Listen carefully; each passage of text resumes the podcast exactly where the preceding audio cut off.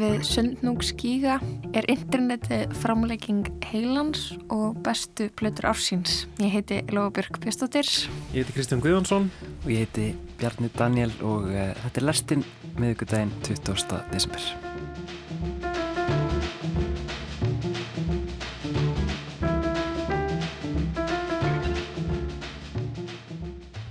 Í lestinni í dag ætlum við að rýna í plötur ársins samkvæmt vefsíðinni albumoftheyear.org og heyra hvað plötur skóra hæst á listum gaggrinenda og einna ymsu tónlistar tímarita. Svo fáum við pistil frá Sýri Þóru Flýring. Hún er að pæla í internetinu eða kongulóarvefnum og veltaði fyrir sér hvort að interneti sé mögulega einhvers konar framlenging á heilunum okkar. Já og svo undir lok þáttar þá ætlum við að slást í för með önnu Marsebill Klausen, fyrrum lestastjóra og núna rittstjóra hlaðvarpa hjá Rúf en hún ytti nóttinni með fréttastofu Rúf eh, við góðstöðvarnar nóttina sem að eldgóðsið hófst eh, við Sundnúkskíga. Þetta er einslag eh, sem er hluti af hlaðarsþáttaröðinni Grindavík sem er aðgengilegi spilar að rúf og viðar heyrum þetta undir lok þáttarins. Já, við erum þrjú að stýra lestinni í dag. Bjarni Daniel er einnig með okkur en hann er að fara að taka við af Kristjáni sem er leðin í fæðingarálof. Það uh, gerist á nýju ári. Ég mitt, uh, mér er samt svolítið leiðilt að vera að fara þegar uh, þessi svona trí og stemning hérna er svolítið skemmtileg. Já, hún er góð. Já, þetta er, já. Mýt dýnamík. Einmitt, einmitt. Það munum margar vikur fara í það hjá mér og Bjarni Daniel að jafn okkur á því að við séum ekki lengur tríó. Einmitt.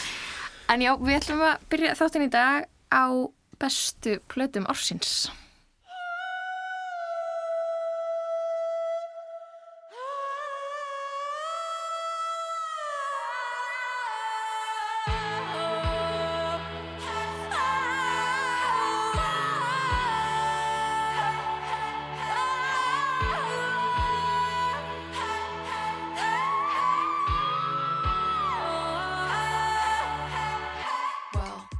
Við erum komin fram í setnilut á desembermánaðar uh, og um, flestir menningar fjölmiðlar heims eru uh, farnir að byrta lista yfir það besta sem að, sem að kom út á þessu ári um, merkilegustu menningafyrirbærin, bestu bíómyndunar uh, og bestu tónlistina.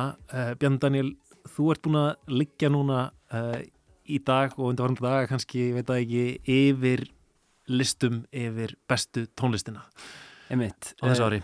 Já, þetta er alltaf, mér finnst þetta alltaf pyrinn flóki sko að setja upp einhvern veginn svona númeraða lista uh, við bestu músíkina, það er hérna já, ég veit ekki, það má spyrja sig hvort það sé, hvort það, hvaða tilgangið að þjóni að vera einhvern veginn að, að segja til hana hvað er best og, og hvað er mest best og, og, hvað er einhvern veginn ekki nóg gott eða þú veist, til þess að vera á lista Ég, ég býð alltaf svona smá spenntur eftir þessu sérstaklega frá svona kannski ákveðnum uh, tónlistarfjölmiðlum að því að sko næstu mánuði verði ég að síðan bara einhvern veginn fara í gegnum efnið sem ég hafði aldrei hýrt um og, og einhvern veginn kynnist nýju efni eh, frá árinu og undan sko. Já, er hann að nýta þetta sem eitthvað eitthvað tækifæri til þess að mm -hmm. finna músík sem hafði ekki svona ratað inn á, inn á minn sjóndeldarheng á árinu sko Um, en hvaða, hvaða miðla ert þú helst að skoða bara fyrir forðnisækir? Sko, um, ég myndi segja sko Pitchfork er náttúrulega svona kannski einhver svona indie-biblía að einhver leiti, Já. það sem að maður skoðar og, og er alltaf ósamála sko um, ég kíkir líka mikið á hérna uh, Wired tónlistatímaritið sem er náttúrulega svona mjög mikið af undarlegri framsækinni tilröðunarkendri tónlist og, og helmingurinn að því er alltaf skrítinn en, en svo, svo er alltaf einhverjir sko algjöru gullmólar sem ég haf aldrei heyrt um áður. Þannig að ég myndi segja að þetta séu svona kannski þeir sem ég skoða ítarlegast sko. En þú? Um, sko ég hef skoðað svolítið eh, DIY magasín og, og hérna Clash líka eða, já, bara svona, svona nokkur nokkur tónlistatímarið sem ég fylgja á Instagram það er svona helsta veitan kannski fyrir þetta mm -hmm, sko. mm -hmm. um, en það sem ég er búin að vera skoða í dag er sem sagt uh, áslisti albumoftheyear.org sem er uh, vefsið sem tekur saman um, fjölda árslista og, og býr til svona stegakerfi eftir í hvaða sæti plöturlenda í og, og setur upp svona, segja, svona meðal mm -hmm. árslista gaggrinenda og, og reyndar notenda síðunar líka uh, í kjölfarið.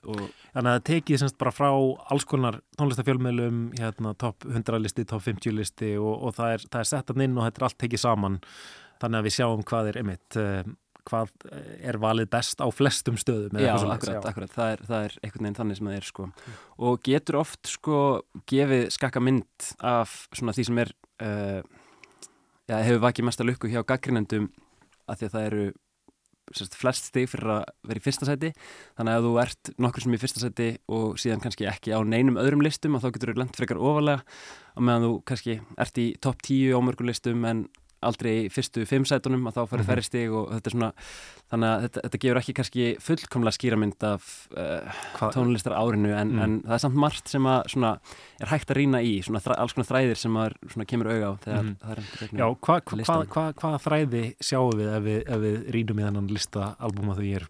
Einmitt, sko, fyrsta sem að ég tek eftir er kannski að í efstu tíu sætunum sitja sko sjö uh, hljómsveitir og, og listamenn sem eru sérst, já, konur eða, eða hljómsveitir sem eru, eru frontar af konum. Mm. þannig að það er hérna já, já, jákvægt kynarhut þarna á, á topnum sem er gaman að sjá. Um, það eru til dæmis hérna, hljómsveitin Boy Genius sem er í fyrsta sæti.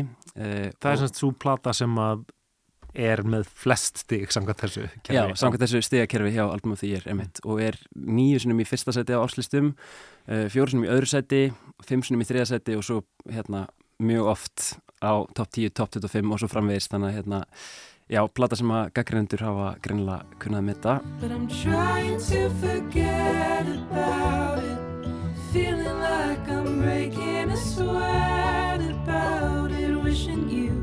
kindly get out of my head about it. Telling myself one day I'll forget about it. Knowing that it probably isn't true. Sama hægt að segja um Caroline Polacek sem er í öðru seti og svo er Sufjan Stevens þannig í þriða seti. Hann er reynda bara einu sinni í fyrsta seti á lista en, en mjög oft svona í top 10, top 25 talandu um Sufjan Stevens þá er svona tekið eftir að það líka tölvert af sko þjóðlaga og, og sveita tónlist það er folk og country mm -hmm. um, það er til dæmis Cara Jackson ungt söngarskáld frá Illinois sem að ég reyndar sá að tónleikum núni í Oslo í haust okay. og mjög, mjög skemmtlegt mm. Uh, já, mjög spennandi rött í, í þessu svona singer-songwriter uh, sérstakki tekstar hjá henni eða ekki? Svolítið, jú, svolítið svona svolítið svartur húmor sko. Uh, mikið, mikið að fórstu kynjapolitík og, og eitthvað fleira. Every man thinks I'm his fucking mother. Good for milk and good for supper En já, hún gáði sína fyrstu plötu árinu sem heitir Why Does the Earth Give Us People to Love hún er í 30. öðru seti á þessum lista uh, Svo er það Julie Byrne með plötuna The Greater Wings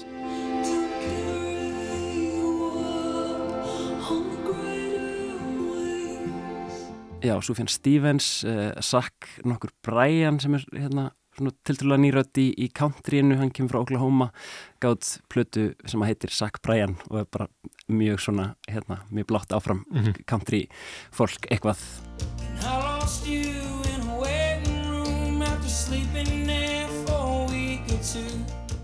Og svo Paul Simon með nýja plötu sem er hann í 48. seti sem ég fannst alltaf áhugavert að sjá mm -hmm. uh, hún heitir Seven Psalms, sjö salmar og, og þetta er sérst konsept sem kom til hans í draumi víst, ég veit ekki hvort þú ert búin að sjá eitthvað um þetta mjög fyndið, hann hérna ára hann platan kom út og sett hann trailer á YouTube þar sem hann fjallar um sko aðdraðanda þessar plötu mm -hmm. og mhm. hann hafi vaknað ekkert um hann meðanótt og þar hefði e, sérst, hefði hann dreymt það að hann var að vinna í plötu sem hétti Sjö Sálmar og í kjölfarið hann farið að stað með það og samti alla textana á þessar plötu á nóttunni, vaknaði alltaf hálf fjóra á nóttunni til að semja texta okay. og, og þessi platta er hálf tíma laung en hún er eitt lag á Spotify mm. en þetta eru samt einhver nokkur, nokkur stykki þetta er svona eitt, mm. eitt samfelt verk On January 15th, 2019 I had a dream that said you're working on a piece called Seven Psalms The dream was so strong that I got up and I wrote it down. Ok, þannig að það eru, já, kon, konur raða sér hann í efstu sætin, svo er uh, þjóðlega tónlist eða þjóðlega skotin tónlist, þarna, er eitthvað meira sem að, sem að þú greinir? Sko, já, það er svolítið af svona tilrunakendu poppi sem að, hérna, mjög skaman að sjá uh, Fever Ray með plötuna Radical Romantics uh, hún er þarna í 2005. seti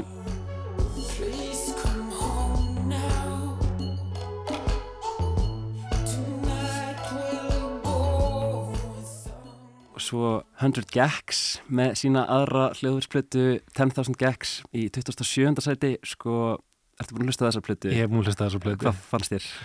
Mér finnst hún stórkostlega ég veit að ekki stórkostlega eitthvað Já, hún er mjög mikið sko hún er mjög mikið En ég er svona, verða vikina, ég var mikil aðdánda fyrstu plötuna Já. þeirra 1000 Gags frá 2019 en svona, þessi, þessi náðu mér ekki alveg sko, ég er svona Mhm. erft með að trúa að hún skori svona hátt Já. af því mér finnst hún eiginlega bara svolítið pirrandi hún er mjög heimskuleg Já, en Kannski- það er náttúrulega kannski, já. já, svolítið þeirra dæmi er að vera svolítið bara brjáluð og, og, og íkt einhvern veginn, en Mhm.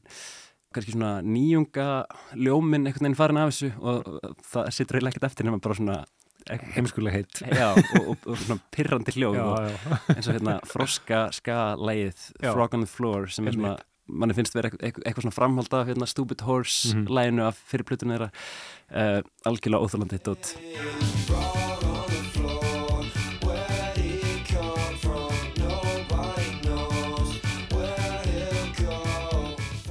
Já, svo eins og ég nefndi áðan Karolin Polacek er hérna í öðru seti með sína aðra plötu Desire I Want to Turn Into Mhm. You sem uh, já, hefur verið mjög vinsæl á þessu ári og mér finnst svona ansi góð sko. Þetta er svona merkilegt eh, hva, hvað getur maður sagt, svona crossover stykki, hún er að stíða eitthvað skref þarna úr svona svona jaðar tilrunapoppinu og svolítið inn í, inn í mainströmmin með þessari Mhm. plötu náttúrulega lagið Bunny's a Rider var svona eitt af stóru poplögunum 2001 og það er hann inni og já, gaman að sjá hana einhvern veginn svona blanda sér í, í mainströmmin og svona í, í toppartunum þar. Dang.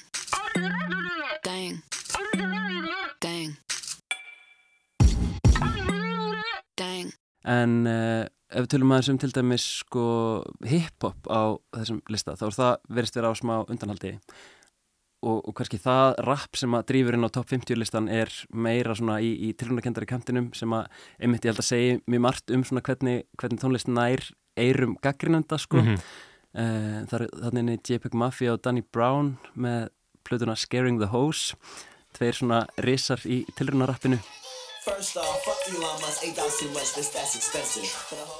Og svo Billy Woods og Kenny Segal ég, ég veit ekki hvort ég byrja mm. -hmm. rétt með, með plötuna Maps sem er hann í áttundasæti það er, já, mjög skemmtilega súrt Mhm. rap on those drinks. It's 211 on the daiquiris. It ruins the whole day when my baby mother mad at me. Spliff could probably jump your car battery. Indið er náttúrulega alltaf svolítið stórt sko og talandi um rappið þá var skemmtilegt augnablik þar sem að veginn þe- þessir tveir heimar eh, tengjast svolítið saman. Það er þeirra hérna, rapparinn og gleðigjafinn Lil Yachty sendi frá sér plötuna Let's Start Here sem er einhvers konar skref í áttina að svona eh, psychedelic rocktónlist mjög undarlegt og mjög svona umdelt plata sko, ekki allir hrifnir af henni og já, get svo sem alveg sett mig í þann hóp sko. Mhm.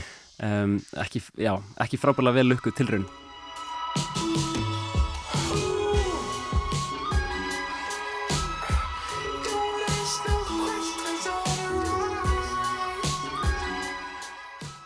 En uh, Mitski var líka með plötuna The Land is Inhospitable and So Are We sem er í sjötta seti.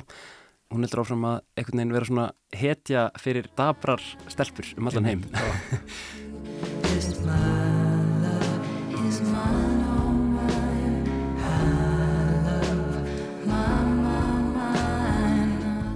En svo er hljómsdinn Wednesday frá Asheville í Norður Karolínu uh, sem að kemur hann inn í sjöndasetti sem komið kannski smá óvart að sjá þau skora svona hátt.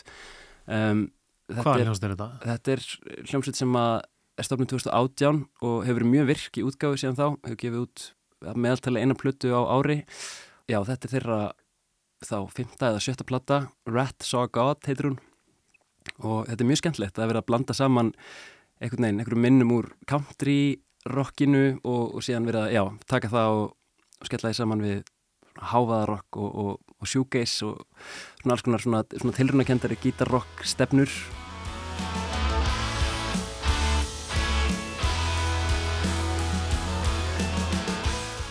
Plata sem að ég hef mjög gaman af en einhvern veginn tók ekki mikið eftir þessu bandi í umræðinu kannski um, um tónlist á þessu árið þannig að ég var hissa að sjá þau þarna. Mhm. gaman að því. Um, Já Svo er heilmikið reyndar sem að komst ekki á listan sem ég, sem ég sá líka uh, eins og platan frá Ice Spice saman með Doja Cat Mhm. uh, og fleiri indie band síðan líka uh, Feeble Little Horse og Water From Your Eyes eru svona tvö, tvö dæmi þekkir, Mhm. þekkir þessar lemstir Nei, aldrei er, en þetta er gott stöf sko, hérna, Water From Your Eyes fannst mér sérstaklega hérna, áttu plötuna Everyone's Crushed, önnur platan þeirra þetta er, þetta er svona töffara duett frá Brooklyn Mhm. uh, sem að, já, eru mjög fyndna típur en þetta er skemmtileg plata, mjög svona óvænt með að við það síðasta sem ég heyrði frá þeim. Mhm.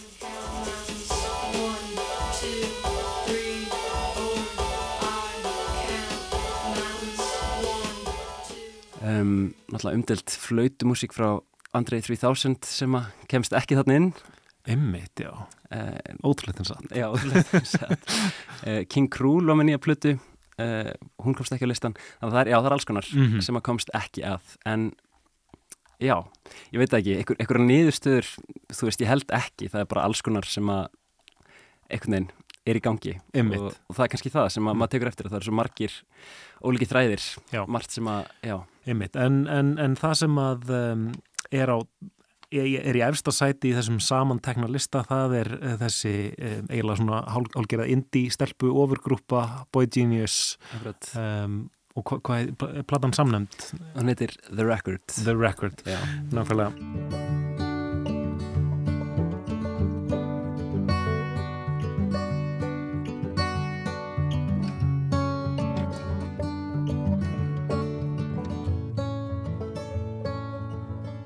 Ég held að maður segja þetta gott uh, af þessari yfirferð. Kannski ljúkum við svo að heyra lag af plötu sem er í 47. seti á þessum lista sem að ég uppgötaði bara fyrir nokkrum dögum síðan og búin að vera að hafa ansi gaman af. Uh, þetta er tónlistakvár frá Baltimore sem uh, kalla sig Nourished by Time.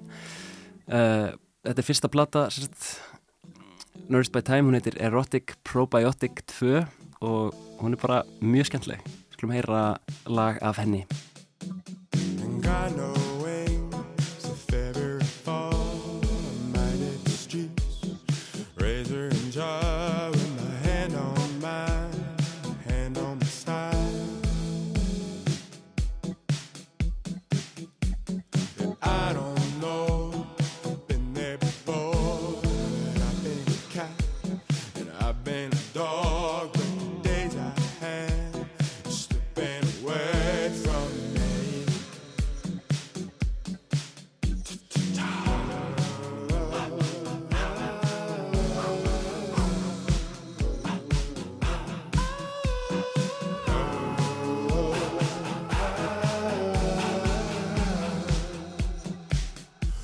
first, you gotta shed that fear of passing away in order to live your life every day. You gotta shed that fear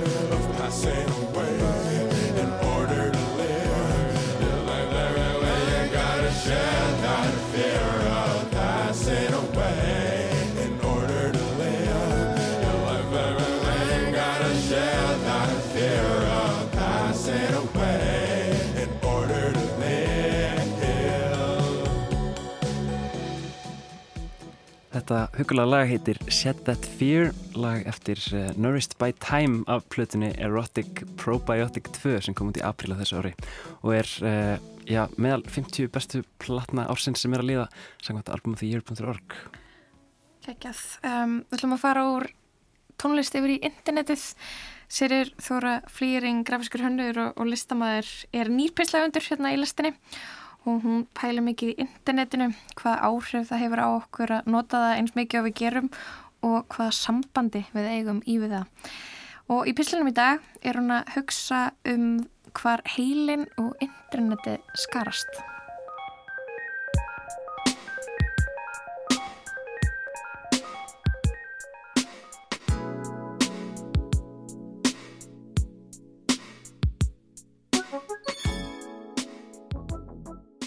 Hvernig myndir þú skilgreina internetið? Hvað er internetið? Ef þú þurftir að svara þessari spurningu, hvaða hugtök myndir þú nota? Myndir þú kannski reyna að útskýra netið á tæknilegan máta og tala um vefþjóna, ljósleðara og gerfinnetti? Myndir þú reyna að lýsa internetinu með því að nota aðra miðla sem dæmi, eins og síman eða sjónvarp? Eða myndir þú líka því við stað, eins og til dæmis kaffihús? Þótt internetið hafi breyst mikið og þróið með sér nýja möguleika undan farin ár, gæti svar þitt við þessari spurningu hljómað svipað svörum viðmælanda kastljós á tíunda áratugnum. Netið er rauninni svona eins og fjóraða viti. Þetta er, þetta er samskiptatæki, upplýsingatæki, þetta er staður þar sem þú getur fengið útrás fyrir rauninni allt saman. Þetta er eiginlega samrunni símans og tölvunar. Þetta er henni staðra sem getur fengið svona okkur neginn með hennan vistra marka það sem þú vilt. Margt. Það eru gagnabankar, það er e, rafpósturinn, heimasýðu gerð, fjöldi af fólki út í heimi sem maður hefur samband við og bara svo ótal margt. Algengt er að tala um internetið sem ákveðin stað, eins og að notendur þess ferðist frá raunveruleikanum til internetsins við notkun þess. Áður fyrr gáttu þessi ferðalög tekið nokkra stund. Fyrst þurfti notandin að setjast við tölvuna, kveikja á henni og tengjast internetinu sem gætt tekið talsverðan tíma. Nú þarf ekki meira en að draga síman upp úr vasanum til þess að ferðast til veraldarvefsins.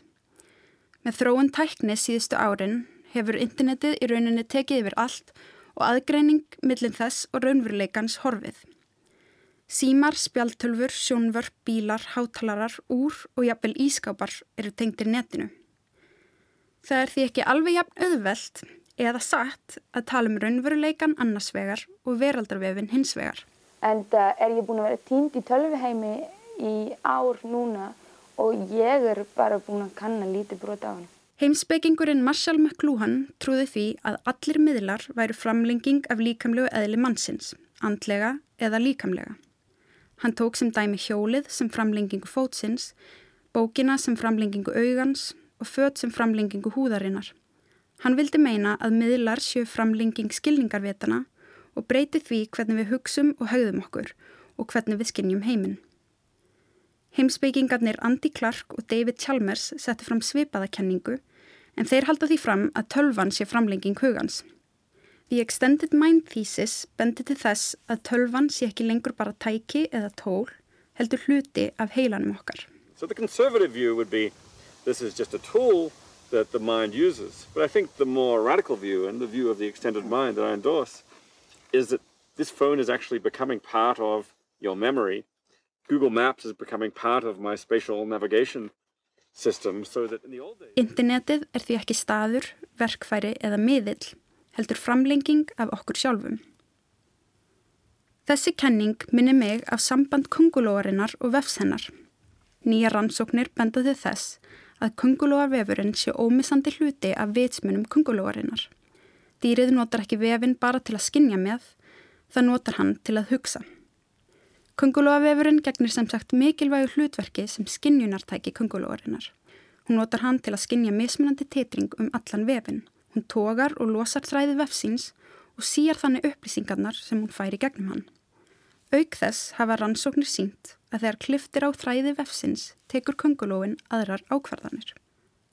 Kungulóin notar vefsinn nokkund veginn eins og við manneskunnar notum vefinn okkar. Við síum þær upplýsingar sem við viljum sjá með því að fylgja og blokka. Við skrifum niður minnispunkta í síman, geymum ljósmyndir og minningar í tölfunni og skipilegjum skjöl og möppur á desktopin okkar til að muna hvar hlutir eru. Og ég hugsa að þetta verður þannig í framtíðinni að framleiðendur og þeir sem eru með slíkt efni í sínu fórum að þeir muni einfallega að gera fólki klift að velja úr og hafna hvað kemst inn í sín hýbíli og þess að það. Til að útskýra kenningu sína nefnir Andy Clark rannsókn á Alzheimer sjúklingum sem dæmi. Hann segir frá því hvernig rannsóknin síndi fram á að þessir einstaklingar áttu yngan veginn að geta séð um sig sjálfur í því umhverfi sem þeir byggu í.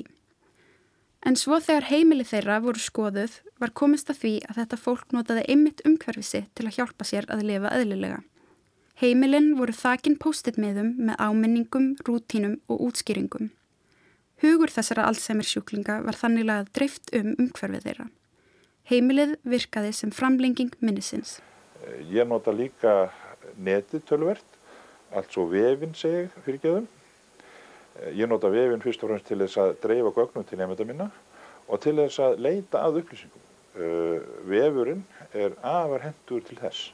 Hefur þú ekki eitthvað tíman googlað staðrind sem þú vissir alveg en hafði bara glemt ymmit á því augnabliki?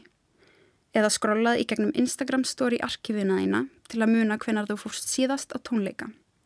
Leitaði uppskrift að lasagna því þú mannst ekki alveg hvaða röða á að setja það saman? Hvað með að kíkja á Pinterest-töfluna þína til að sjá hvort flíkin sem þú ert að pæli að kaupa þér passi við stílinn þinn? Eða til að sína klipparanum klippinguna sem þið langar í? Þau hefur kannski nota reiknivélina á símanum þínum til að finna svari við dæmi að þú nettir ekki alveg að reikna það í huganum. Eða láti tíst hafa áhrif á skoðun þína á einhverju fræðarfólki í bandaríkunum. Fyrst sko, þegar ég byrjaði á þessu þá var ég nú alveg rosalega lengi alltaf á þessu. Já. Kannski þrjá, fjóra, fimm jável tíma á dag sko, fór allt upp í það. Nú er ég allan nefna svona haldum að klukkutíma ef ég er sko á svona venjulegum degi svo kannski um helgar þá fer þetta kannski í svona 2-3 tíma. Þetta taka þig takk til þess að vera ekki á lengi? Já, þetta er óaðlega fík sko sem fylgjur.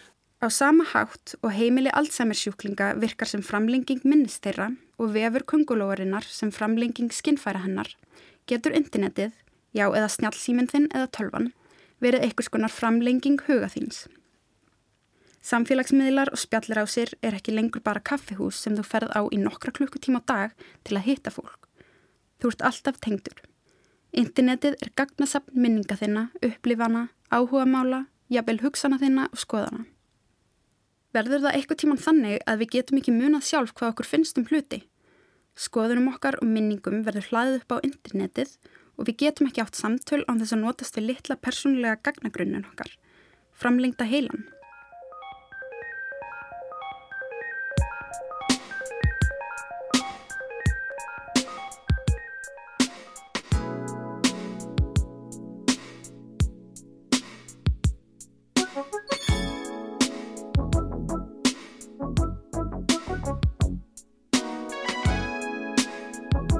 Question of the next century is not who you love, but what you love. And how it makes you feel.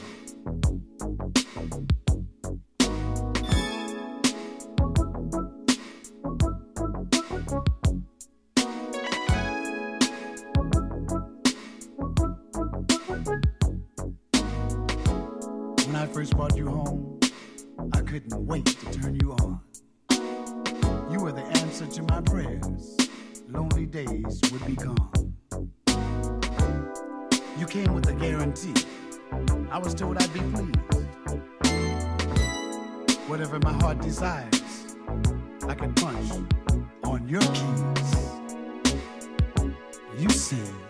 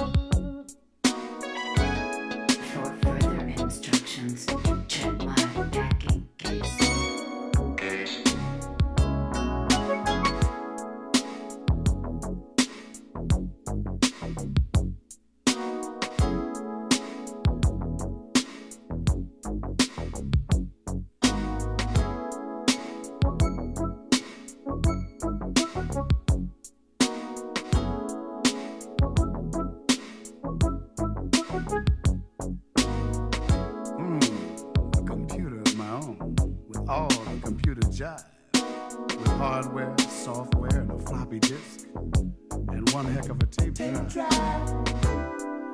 I won't have to go to school to learn what makes you tick. You came with a memory, an Emmanuel six inches thick.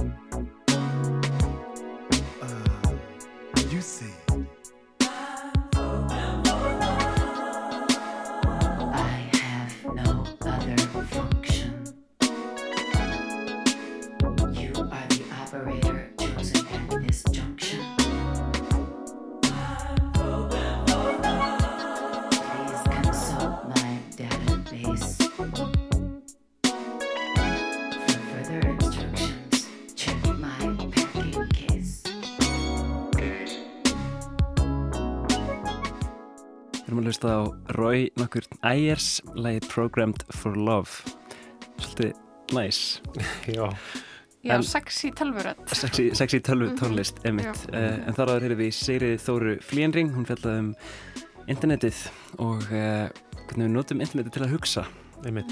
Ég hjó eftir þessu hugtæki sko að nota kongulóa vefin sem líkingu yfir internetið. Ég held að, mér finnst það skemmtilegt, ég man ekki eftir að hafa hugsað um internetið sem kongulóa vef Mhm. um, en ég held að það sé mjög gott að reyna að finna sem flestar myndlíkingar yfir uh, það hvernig einhvern veginn hugsunin okkar mótast af, af, af netinu í dag og, og já, ég veit það ekki. Konglavefurinn er fín viðbót Já, allavega. algjörlega, bara gott í, í verkfærabóksið yfir það hva, hvernig við tölum um internetið. En við ætlum að okkur öðru, við ætlum að halda út á Reykjanes, við ætlum að fá að slást í för með önnu Marsebill Klausen, um, fyrrum lestastjóra og núna rittstjóra hlaðvarpa hjá Rúf. Nótina sem að eldgósið hófst út á Reykjanesi sem var nú bara uh, í fyrra kvöld, þá um, fekk hún að, að, fara með fréttast, fréttastofu Rúf út á Reykjanes, fylgjast með störum þeirra var alla nóttina uh, að, að, að ferðast um Reykjanesið, reyna að komast nálegt eldgósinu og um, þetta innslag er sem sagt hluti af hlaðarstáttaröðinni Grindavík sem er aðgengilega á spilar Rúf og hlaðarsveitum um, það er Gíja Hólgersdóttir sem að sér um þetta hlaðvarp hefur verið að tala við Grindavíkinga undanfar, undanfarnin mánuð cirka um, en í þessu innslagi þá byrjar hún á því að spyrja önnu Marsi út í kvöldi þegar eldgósið hófst Ég lá upp í rúmi með dóttur minni. Ég hafði verið að svæfa, hún vaknaði aftur og þá kíkti ég á síman. Ég var bara að horfa sjónvarpið með manninu mínum áður og var ekkert að fylgjast með fréttum en ég kíkja á síman og sé að gós er hafið og já, kannski stutt átgána sögun er að ég bara hljópa af stað. Maðurinn tók við barninu og ég hljóp út í bíl, kerði hingað upp í efstaleiti uh, eins og eldi brandur en þó löglega og svo þegar ég stóð hérna uppi á tröppunum á leiðinni í hús stoppaði ég í örskama stund til þess að ég veit ekki hvort ég eigi að segja dást af, af útsýninu því að þetta var rosalegt sjónarspil sem að blasti við uh, og bara ofan af Reykjaneskaga það sem að gerist á svona á svona fréttavakt að þá er fólk kallað til og, og uh, Sigga Hagalín og uh, Guðmundur Bergqvist tökumæður voru á leiðin upp í, í bíl og út á Reykjaneskaga og ég sem betur fer náði að hlaupa í gegnum húsið til þess að komast bara í aftursætið á þeim bíl því að þau hefðu, þau hefðu ekki getað beðið eftir mér. Og, og svo ókum við bara af stað. Lengur sem að, að það ástand vaði til leng hraða mun þauði flæða það var bíl við bíl á Reykjanesbrautinni. Þið er bara í bakgarðinum við það er sögum og á þessum tímumfúti þá leiti þetta hræðilega út og manni fannst ljóst að innveðarnir við svartsingi myndu bara ekki lifa þetta af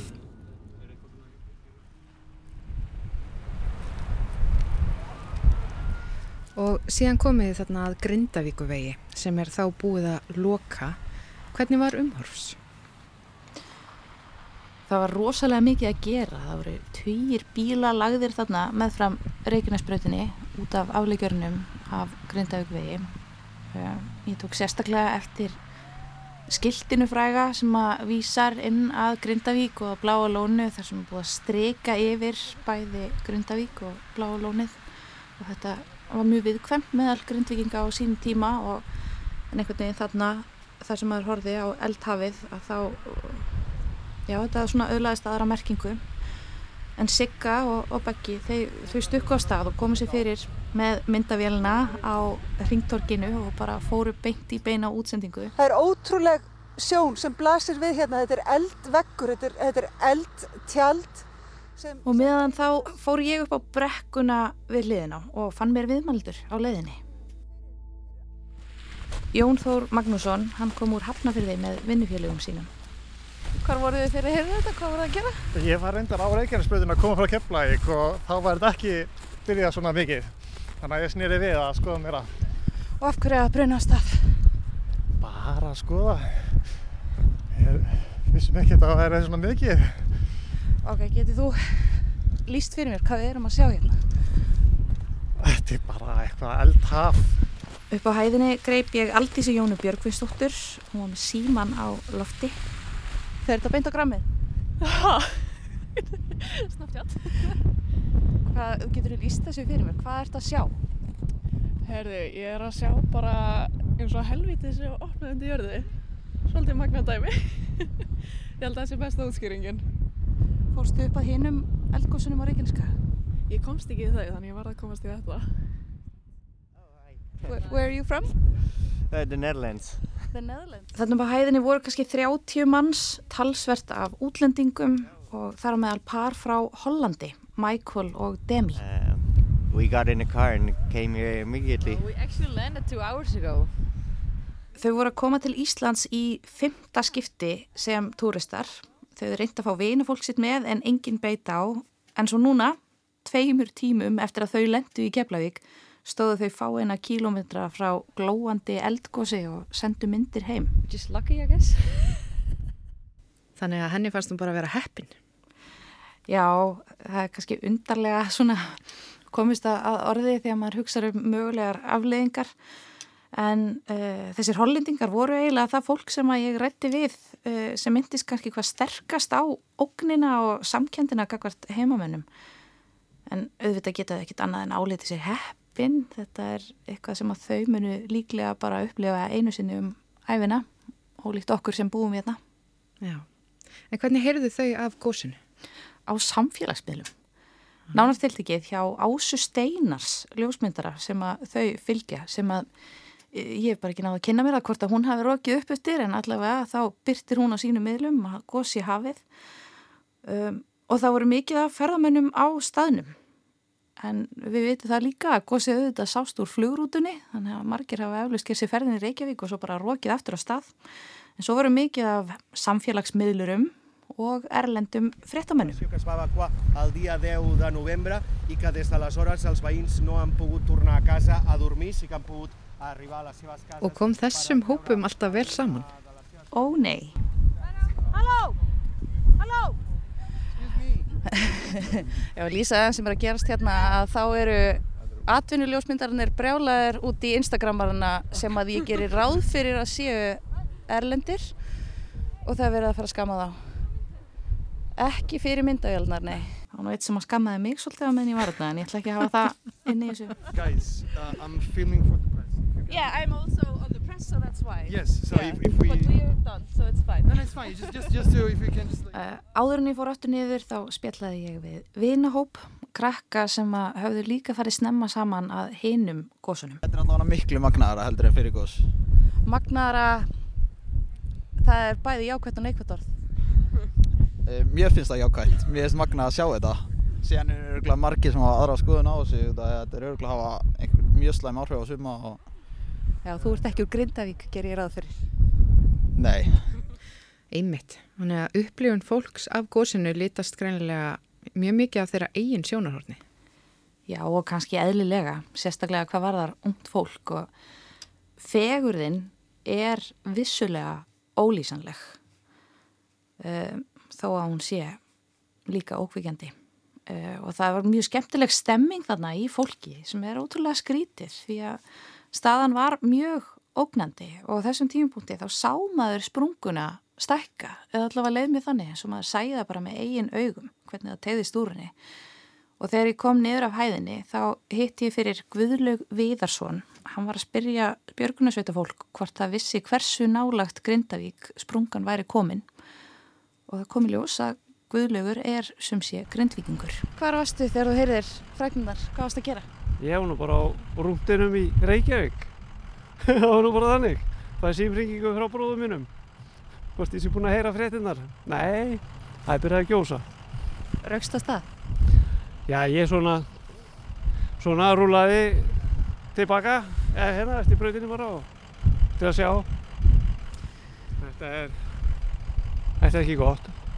Nei, einmitt, hvernig líst þér á við þetta? þessu. Já, bjóstu við þessu. Það voru nú einhverjir sem að voru farnir að tala um að fara heim og þá voru einhverjir sem voru nú þegar farnir að gista í bænum. Já, ég, hérna, leist nú kannski ekki alveg nú vel á það en, en alltilega verið yfir daginn og, og hérna, já, það var svona planið að fara heim á morgun og, og, og, og vera þar eitthvað yfir daginn og, og, og sjá svo með framhaldið, Það plan hefur riðlast. heldur betur. Ja, við, við vitum allavega núna hvað er, hvað, hvað er planið næstu mánuði, eða, vi- eða vikur á mánuði. Varst þú búin að koma öllum þínum eigum í var? Já, það er svona, svona því helsta. Það, það er ímislegt eftir. Það verður bara að hafa, hafa það. Ef, það- ef það fer undir haun, þá verður bara að hafa það. Það getur því að gera. Það er rosaleg tilhugsun. Já, það er bara, svona er þetta bara. Er það? Hvernig líður þér? Svona er þetta bara. Já, ég menna, það er ekkert í þess að gera. Það er bara, maður ræður ekki við þetta. Það, það, það er ekkert að slökku í þessum. Það er virkilega erfitt að setja sig í þessi spór hvernig það er að horfa upp á náttúruöflin bara þarna rétt hjá heimilinu, bara ógna heimilum hans. Já, það var eiginlega alveg ótrúlegt að heyra æðurleysið sem að hann Guðlaugur bjó yfir í þessum aðstæðum. Hann býr sem sagt alla jafna í húsi í miðjum bænum, miðri Grindavík og hann sagði mér að sökkullin á húsinu væri svolítið mikið sprungin.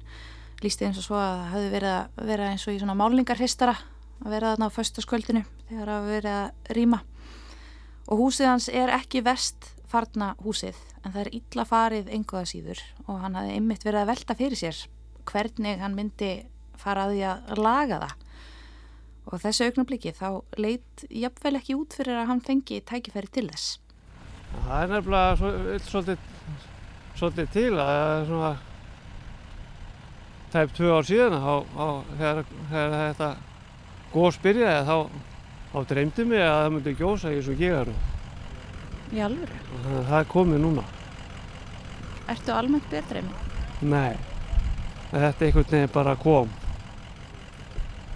Ég var stattur á Grindavíkur vegi í draumi og dreymið þetta. Það var sér byrjað að góðs í, í sundnugagíu. Hvernig myndi sofa í nótt? Hvernig? Það maður færi nokkuð að sofa. Á þessum tímapunkti vorum við farin að sjá hrauntunguna vefja sig með fram stóra skófelli sem kom í ljós að Guðlugur þekkir vel eða kannski þekkti hann það svæði vel. Það er gaman að vera á þessu svæði svona þegar við sumum á tíman, góðu veri og Hvað gerir maður á þessu svæði? þetta er svona göngus, göngusvæði, gam, gamlar göngulegir milli, milli voga og grindaðugur. Það er, það er farið undir hraun. Já, ég farið nokkra, nokkra ferðir úr, úr grindaðug og upp á stóra skófelli. Lappandi og hjólandi.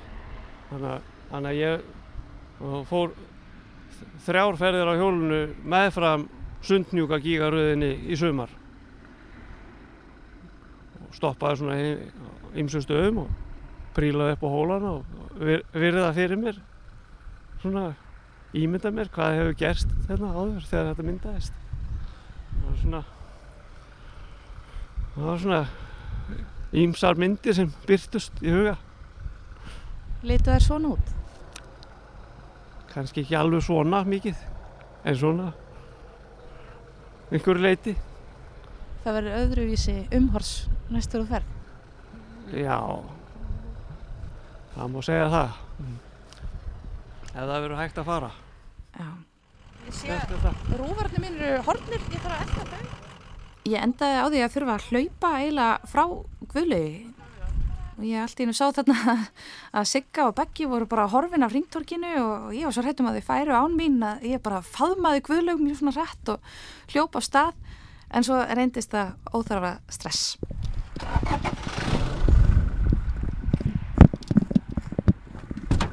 Ég vil bara hitta mig sko. Já, ok, ég fekk stress. Hvort að hitta þér? En þetta hefur verið mikil kyrsla á ykkur, laung og ströng nótt. Já, það má alveg segja það. Við vorum að framöndi morgun og uh, það var sérstaklega í byrjun mikið aksjón. Það voru eflust margir sem að reykja upp stór augu í haugköp í Garðabæ þegar ég og Sigga Hagalín, kannski sérstaklega, uh, hlupum um búðina að grýpa nesti og ullarsokka.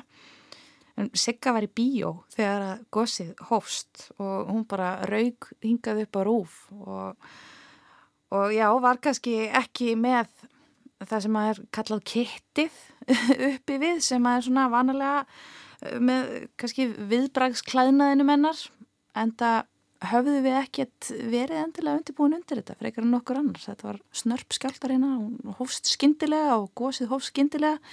Allir höfðu beðið tilbúinir svo lengi fyrstu dagan eftir rýmingu en já, það var aðeins önnur staða hér upp frá en við komumst að stað og við náðum í banana og samlokur og, og svo náttúrulega begg Beggi sem er uh, myndatökumæðurinn og hann hefur hlaupið með kamerun á aukstunni upp ófá fjöllin og hann lísti fyrir mér hvernig hann hafi verið með vísindamönnum við Eyjafjallajökull bara mjög stutt frá hana, risastórum gígnum í einhverju grjótregni og svo var grjótregni orðið svo mikið að, að það var komin sprunga í eina bílrúðuna og á leðin tilbaka bara, þetta hefur bara verið eins og að keira út á stríðsvæði.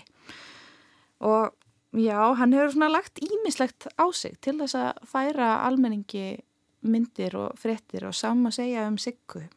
Og það var ótrúlega magnað fyrir mig sem að hefur ekki verið í þessum aðstæðum áður að upplifa þau við skildustörf og þess að skildu sem að þau upplifa við almenning, gagvart almenningi og bara fagmennskan. Ok, ég fyrir varlega, ég lofa því. Ok, hjertakall Segjum það, bye bye Benni var að segja að hún er bara lengjast núna í fjóri kilómetri En fenguðu að fara næri gósir? Já, fljótlega fengu fjölmiðlar leifi til að fara í fyllt lauruglu nær gósinu Ég held að þetta hafi verið viðarúf, stöðtvö, vísir og MBL og fyrst voru við svona cirka þrjá til fjóra kílómetra frá og þá reyði akkurat yfir mikil svona já, stórrið að manni fannst. Snjónum kýndi niður byrtan og reykurinn gerðu allt umhverfið appelsínugult þetta var eins og að vera að keira á Mars þetta var mjög svona heimsendaleg stemming wow. þetta hljóma mjög svona magnað. Þetta var eitt af magnað sem ég hef upplifað. Já, bara eins fljótt og við gátum bara, svona með að ná um þetta. Hvernig komuð þið? Var ekki brautina öll heftir þið komuð? Ég veit að það, það var allt stoppið á grúta því. Ertu til ég að bara byrja því að kynna þig? Já, Hjálmar Hallgrímsson, varastjóri á Lörglun á Suðunísjum. Og getur þú sagt mér hvað við erum að horfa á núna? Nú erum við bara að horfa á hérna stóra, stóra sprungu sem er orðin einhverjir fjóri kílometrar í stundnjunga gígaröðinni. Þannig að þetta blasir nú bara við okkur. Hvað varst þú að gera þegar þú varst kallaður út? Herði, ég var nú bara stættur Reykjavík eins og svo margir grindvikingar sem eru nú bara gist ekki heima og er ekki heima. Þannig að leið og ég var við að að það var reyning á jörðinni, jörgskjáltar, þá fer maður að fylgjast með og svo endaði bara með því að það voru allir kallaðar út. Og hvernig upplifun er þetta fyrir þig að standa hérna og horfa á þetta núna? Þetta er svo sem, þetta er svolítið sérstækt, aðkoma hérna í kvöld var svona uh, svona svolítið rosaleg vegna þess að ég var ekki alveg að átta mig á því hvar þetta væri, hvort þetta væri að koma til norðurs eða vesturs eða þá söðurs, það er eitthvað sem við viljum alls ekki. Uh, hérna, innviðinir hérna hjá hitaveitni eru orð, orðni varðir þannig að maður er svona róler yfir því. En, en svona ég, ég er aðeins róler núna heldur þegar maður sá þetta fyrst því að uh, spíurna voru svo háar og miklar maður vissi ekki hvað hvernig þetta ætlaði að, að svona halda áfram. Hvað er framöndan núna í nótt? Já, nú er bara framöndan að fylgjast algjörlega með þessu og, og fylgjast með ef það verði einhverja breytingar og eins líka hraunflæðið ef það tekur breytingum þá getur við þurft að breyðast við en þannig að við erum bara eins og ég margótt múin að segja við erum bara á tánum og erum bara að fylgjast með hvað er að gerast og hvað gerist í framhaldinu. Breyðast við hvernig?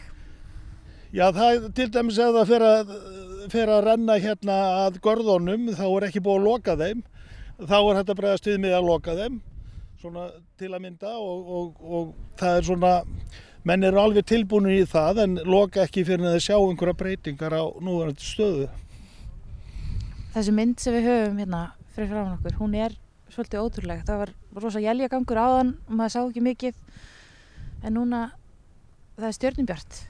Já, já, þetta er, þetta er ákveðalega fallegt svona fjaska og ég ætla að vona að við sjáum þetta bara alltaf á fjaska. En við fengum að fara ennær aðeins setna, vorum kannski rúman kílometra frá sprungunni.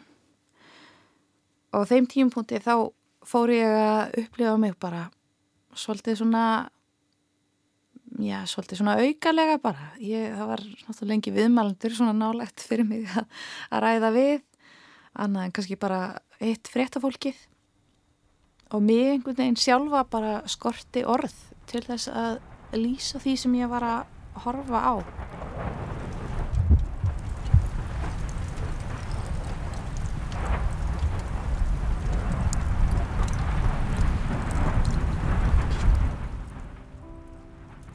Svo varum við komin heim, örþreytt og með ískaldar tær, hvað sem ullarsokkunum úr hagkaup leið um fimmleitið í morgun.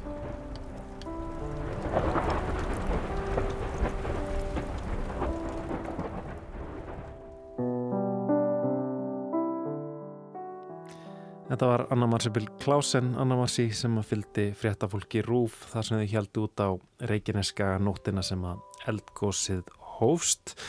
Þetta er úr hlaðarstáttunum Grindavík sem eru aðgengilegir í spilararúf og hlaðarsveitum og það er Gíja Holgirsdóttir sem að sérum þá þætti hefur verið að sapna sögum og, og, og frásögnum frá Grindvíkingum núna undarfarna Uh, einn og hálfan mánuð. Mm -hmm, búin að tala um rosalega marga gründvikinga og skráseti þetta tímabill einmitt, sem er mjög mikilvægt, ég held að þessi er komin í sex þættir núna og þetta kannski bara heldur, heldur áfram eins lengi og, og, og þurfa þykir. Einmitt, við erum komin að leðalokum í, í lastinni í dag.